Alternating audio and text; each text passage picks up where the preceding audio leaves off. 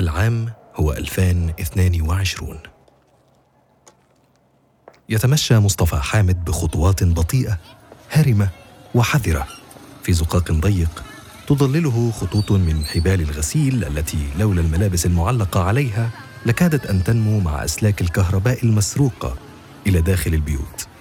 يذكر مصطفى حامد تلك الأسلاك ويذكر استخداماتها المتنوعة والخلاقة داخل سجن إيفين الإيراني. الذي قبع فيه لسنوات عديدة وخاصة استخداماتها على السجناء العرب الذين حصدوا من تلك الأسلاك جل الاهتمام. يصل مصطفى حامد إلى نهاية الزقاق ويلتفت يمينا ويسارا وقليلا إلى الخلف كما هي العادة ويقطع الشارع الذي عادة ما يكون خالا إلى منزله. يجلس مصطفى حامد أمام مكتبه ويأتي بدفتره الأسود الغليظ ويضعه برفق على الطاولة. يفتحه رويدا على صفحة كان قد كتب فيها ملاحظات مبعثرة. عنوانها أعلى الصفحة ب في الذكرى الحادية عشر لاغتيال بن لادن. تمسح عيناه الملاحظات فشل التجربة الزراعية الأولى في قرية عرب خيل لكنها وجدت حلا لمشكلة المياه. اشترى بن لادن خزانا بلاستيكيا كبيرا للمياه. مضخة تعمل بالديزل. خمد فتنة المياه وبداية فتنة الكهرباء. سيف العدل يجد الحل المناسب. بنهم معتاد يحفر مصطفى حامد كلمات مقاله الجديد على صفحة بيضاء ناصعة. ينظر تارة إلى النافذة المطلة على حائط المبنى المجاور باحثا عن كلماته القادمة. وتارة أخرى إلى دفتره ليترجم ذلك الإلهام المتواضع إلى جمل مرصوصة. يبدو أن الطبخة قد استوت. وقد حان موعد نشرها على الموقع الإلكتروني. لكن قبيل ذلك لا بد من الحصول على بعض الموافقات المعتادة من أصدقائه من الحرس الثوري. يدعو الله أن يكونوا أكثر استجابة هذا اليوم. المقال جيد والحماس يكاد أن يودي به. من هو مصطفى حامد؟ وما هي علاقته بتنظيم القاعدة؟ ومن هو سيف العدل؟ ومن هو عبد الرحمن المغربي؟ ومن هو قتال العبدلي؟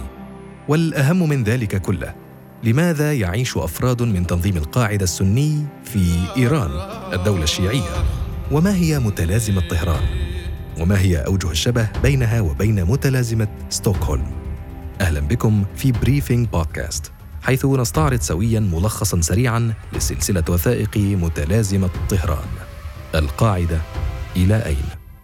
الحلقة الأولى من سلسلة مكونة من خمس حلقات.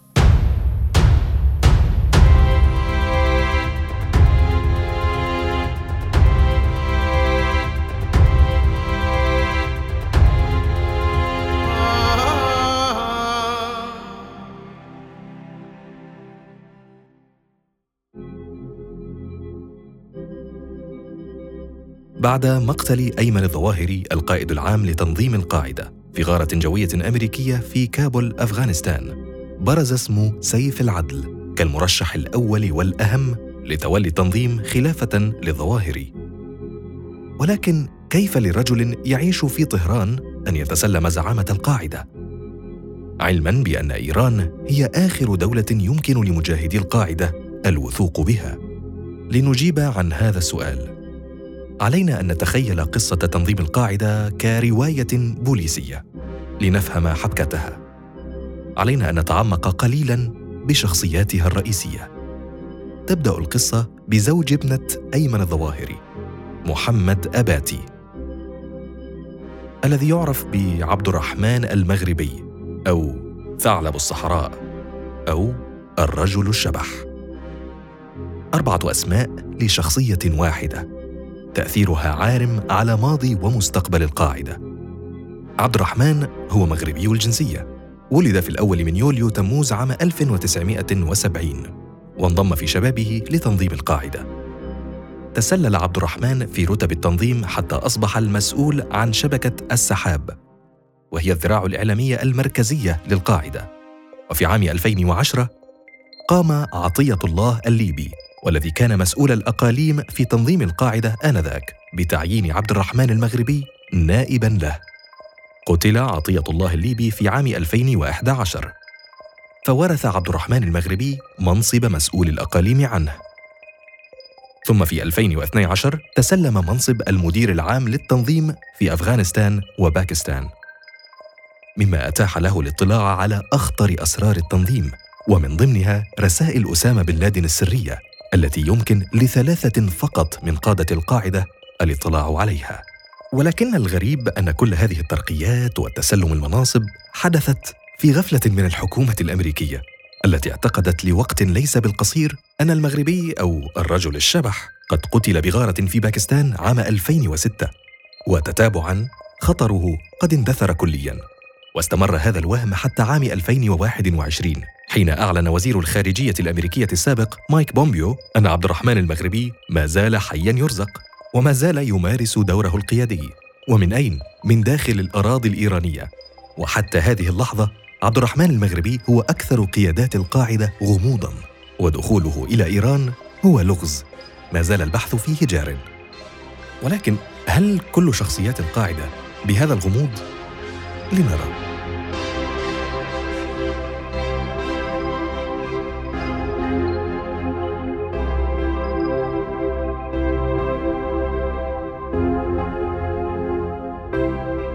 ننتقل بقصتنا إلى الشخصية الأساسية الثانية وهو عز الدين عبد العزيز خليل أو ما يطلق عليه بياسين السوري.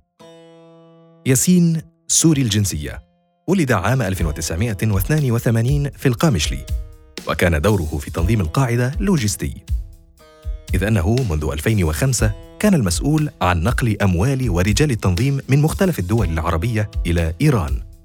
ومنها إلى باكستان حيث تقبع عدة قيادات من تنظيم القاعدة. ومن باكستان يتم فرز الأموال والعتاد إلى مسارح العمليات في أفغانستان والعراق أو حيثما تقتضي الحاجة. وعلى خلاف عبد الرحمن المغربي الرجل الشبح كانت الحكومة الأمريكية على وعي تام بدور ياسين السوري القيادي. وحتى أن وزارة الخزانة الأمريكية قد صرفت مكافأة تقدر بعشرة ملايين دولار أمريكي لمن يمكنه الإدلاء بمعلومات عن ياسين في مرحلة من المراحل. وعندما سمعت السلطات الإيرانية بتلك المكافأة قامت بإلقاء القبض على ياسين السوري في ديسمبر كانون الأول في عام 2011 ولكن حتى هذا اليوم تنكر إيران وجود ياسين السوري على أراضيها. لقد تحدثنا إلى عروة عجوب باحث في شؤون الجماعات المتشددة وهذا ما قاله عن ياسين السوري. وفقا لبرنامج آه، آه، المكافأة من أجل العدالة الأمريكي فإن آه، السوري كان ميسرا لأعمال القاعدة في إيران وكان مسؤول عن نقل أموال التبرعات القادمة من المتبرعين إلى قادة القاعدة الموجودين داخل إيران بالإضافة إلى تسهيل حركة المقاتلين إلى باكستان والغرب أيضا. وأفغانستان آه، إضافة إلى ذلك ثبت بالنسبة للولايات المتحدة ضلوعه في آه، جمع وتحريك آه، أموال رجال القاعدة وعمل أيضا بشكل مباشر مع الحكومة الإيرانية من أجل تسهيل إطلاق سراح عناصر القاعدة الموجودين في إيران. الشخصية الرئيسية الثالثة في قصتنا هي شخصية بلا وجه ولا تعريف واضح. ولكنها من أخطر الشخصيات وأكثرها غموضا. سلطان يوسف حسن العارف والذي يعرف بقتال العبدلي وهو سعودي الجنسية ولد عام 1986 في جدة وكان لقتال دور واضح وفعال في استهداف المصالح الأمريكية حول العالم حتى عام 2001 ومنذ ذلك الحين اتخذ قتال العبدلي من إيران مأوى له. يقتات ويشرب ويعيش فيه مع عبد الرحمن المغربي وياسين السوري. يبدو أن القاسم المشترك بين عبد الرحمن المغربي وياسين السوري وقتال العبدلي هو وجودهم في طهران. لكن كيف أصبحت إيران بيت قادة القاعدة الآمن؟ لنعود بالزمن قليلا إلى الخلف.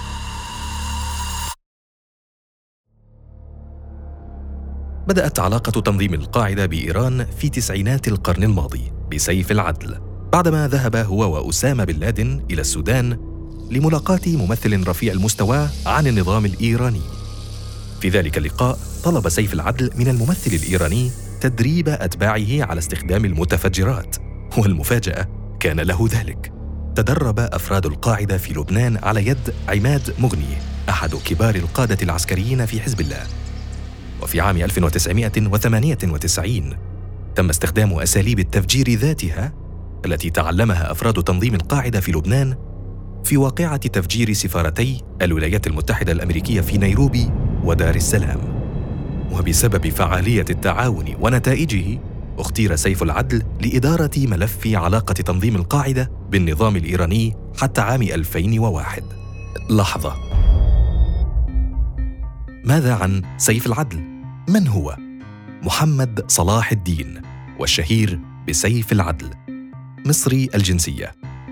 ولد عام 1960 وعمل كمسؤول عسكري للقاعدة. عمل على تدريب المقاتلين في معسكرات القاعدة في أفغانستان. وكاد أن يقتل خلال غزو الولايات المتحدة الأمريكية لأفغانستان بعدما تم استهداف منزله في غارة جوية. حسناً. لنعود الآن لقصتنا. تزوج سيف العدل من أسماء مصطفى حامد. ابنة مصطفى حامد والذي يشتهر بأبي الوليد أو مؤرخ القاعدة. يبدو أن سيف العدل ومصطفى حامد وجهان لعملة واحدة من نواح عدة. وزواج سيف العدل من ابنة أبي الوليد لم يكن مصادفة بل هو تعاون استراتيجي له أبعاد مستقبلية وأهداف واضحة. وبدأ يخطو خطاه منذ عملية إغلاق مطار خوست خلال التصدي للغزو السوفيتي لأفغانستان في ثمانينيات القرن الماضي. وعند تحدثنا إلى حسن أبو هنية الباحث في شؤون الجماعات المتشددة هذا ما قاله عن علاقة سيف العدل بمصطفى حامد.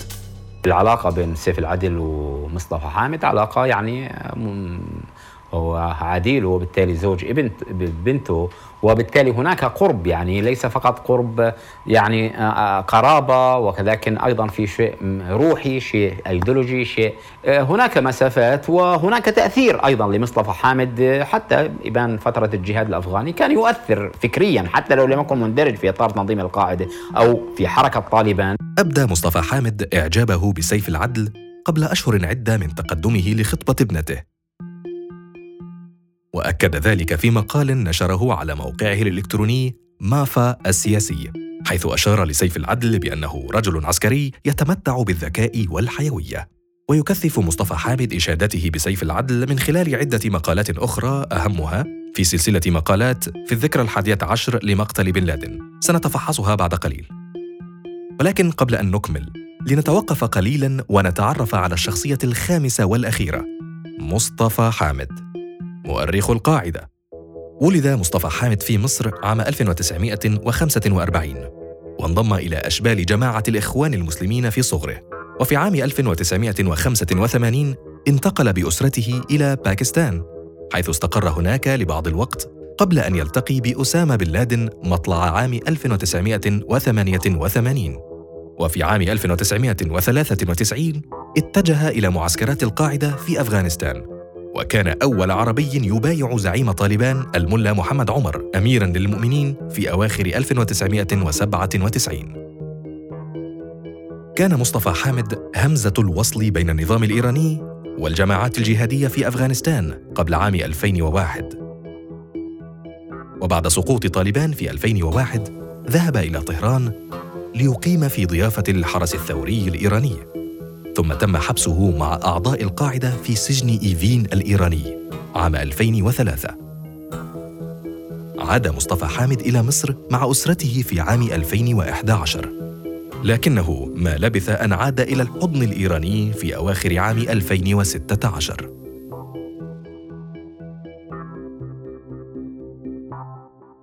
لنعود لقصتنا. في بداية الحلقة سألنا إن كان من المنطقي أن يتسلم سيف العدل رجل يعيش في طهران زعامة القاعدة. عندما نضع بالحسبان مئات آلاف القتلى من العرب السنة الذين راحوا ضحية لتدخلات الميليشيات الشيعية التابعة لإيران في العالم العربي والإسلامي. ويبدو أن الإجابة على هذا السؤال بالنسبة لمصطفى حامد وسيف العدل بينة وسهلة. لنفهم أكثر علينا أن نطلع على كتابات مصطفى حامد على موقعه الإلكتروني مافا السياسي الذي ينتقد مسار أيمن الظواهري الجهادي ويظهر أسامة بن لادن كشخص متواضع القدرات. خبرته الاستراتيجية والحربية محدودة وينتقد تحول الجهاد إلى عمل ارتزاقي يتبناه الأغلبية بحثا عن الشهرة والزعامة والمال والسلاح والنفوذ. والجدير بالذكر أن انتقادات مصطفى حامد تأتي من موقعه كمؤرخ لتنظيم القاعدة فقط وليس كعضو فيه. ومن خلال نأي النفس هذا يستطيع من موقعه إحداث تغييرات بتوجهات تنظيم القاعدة بشكل تدريجي وناعم بما يتوافق مع النظرة الإيرانية. فترى أن مصطفى حامد يدعو إلى تحالف سني شيعي جزئي سماه المقاومة داعياً إلى وقف الصراع المذهبي والتوجه جميعاً إلى هدف أساسي واحد وهو تحرير المقدسات وفلسطين أي الانضمام إلى معسكر إيران والتبعية إليه متجاهلاً دور إيران التخريبي في العالم الإسلامي تماماً وفي أحيان أخرى مدافعا عن إيران ومروجا لها ولدورها الجهادي في سبيل القضايا الإسلامية. وعندما تحدثنا إلى الدكتورة دلال محمود أستاذة العلوم السياسية في جامعة القاهرة هذا ما قالته عن موقف مصطفى حامد تجاه إيران. فيما يتعلق بمتلازمة طهران والعلاقة الارتباطية ما بين إيران وتنظيم القاعدة رغم الاختلاف الأيديولوجي المفترض بينهما، نعم مصطفى حامد جزء من هذه الرابطة. ربما يكون من من يعني أحق الناس بلقب متلازمة طهران إيران بالنسبة له ليست مجرد دولة وفقا لكلامه وفقا لكتاباته وفقا لآرائه أن إيران هي النموذج الذي يجب أن تكون عليه الدولة الإسلامية. ويبرر مصطفى حامد وسيف العدل رؤيتهم هذه من خلال رمي مفهوم الطابور الخامس في وجه المنتقدين. فإذا كان تنظيم القاعدة في جزيرة العرب هو الطابور الخامس بالنسبة لليمن، فإن سيف العدل ورفاقه المقيمين في إيران هم الطابور الخامس بالنسبة للقاعدة. ولكن هل التحالف السني الشيعي والطابور الخامس يبرر عودة مصطفى حامد إلى إيران في عام 2016 بعد هروبه منها في عام 2011 ما هي حجة مصطفى حامد لعودته إلى إيران بعد سجنه في أحد أكثر السجون قسوة في النظام الإيراني. وكيف يستطيع تفسير وضع عائلته المزري آنذاك تحت وطأة الإقامة الجبرية في إيران لسنوات وسنوات؟ لا ندري إن كان لمصطفى حامد القدرة فعليا على الإتيان بتفسير لهذه التصرفات. ولكنها تطابق حالة يمكننا تسميتها بمتلازمة طهران والتي بتعريفها قريبة جدا من متلازمة ستوكهولم. هي الحالة النفسية التي يتعاطف فيها المخطوف مع الخاطف وفي أحيان كثيرة يقع في حبه ويدافع عن تصرفاته. ويبدو أن هذا ما يعاني منه قادة تنظيم القاعدة وعلى رأسهم مصطفى حامد. وهكذا علقت الدكتورة دلال محمود أستاذة العلوم السياسية في جامعة القاهرة عن متلازمة طهران التي يعاني منها مصطفى حامد. علاقة إيران بتنظيم القاعدة هو كان جزء منها وبالتالي هي ليست جديدة عليه. هو يرى أن إيران لديها مشروع إسلامي تنفذه بطريقتها وأنها تدعم المسلمين سنة أو شيعة. ويعتبر أن إيران لا تدعم الشيعة فقط لكنها تدعم السنة أيضا. ودي كانت نقطة من نقط الخلافية بينه وبين بعض القيادات في القاعدة. فكيف لرجل عانى الأمرين هو وأسرته في إيران أن يعود إليها طواعية بل ويزيد الطين بلة بتصريح يوضح فيه أن إيران هي دولة ذات مناخ سوي للحريات. إلى هنا نكون قد وصلنا إلى نهاية الحلقة الأولى من Briefing Podcast حيث ولخمس حلقات سنستعرض سويا ملخصا سريعا لسلسلة وثائق متلازمة طهران القاعدة إلى أين؟ في الحلقة القادمة سنغوص بشكل عميق في قيادات تنظيم القاعدة المتواجدة في إيران وكيف أصبح سيف العدل هو سيف الانقسام والسبب الذي دعاه لتلفيق ماضيه وتزوير تاريخه والخطط التي وضعها والتي بدورها أفسدت تنظيم القاعدة بدلا من إصلاحه. يمكنكم أيضا مشاهدة حلقات متلازمة طهران القاعدة إلى أين الخمس الكاملة والمفصلة على اليوتيوب من خلال الضغط على الرابط المبين في صندوق الوصف.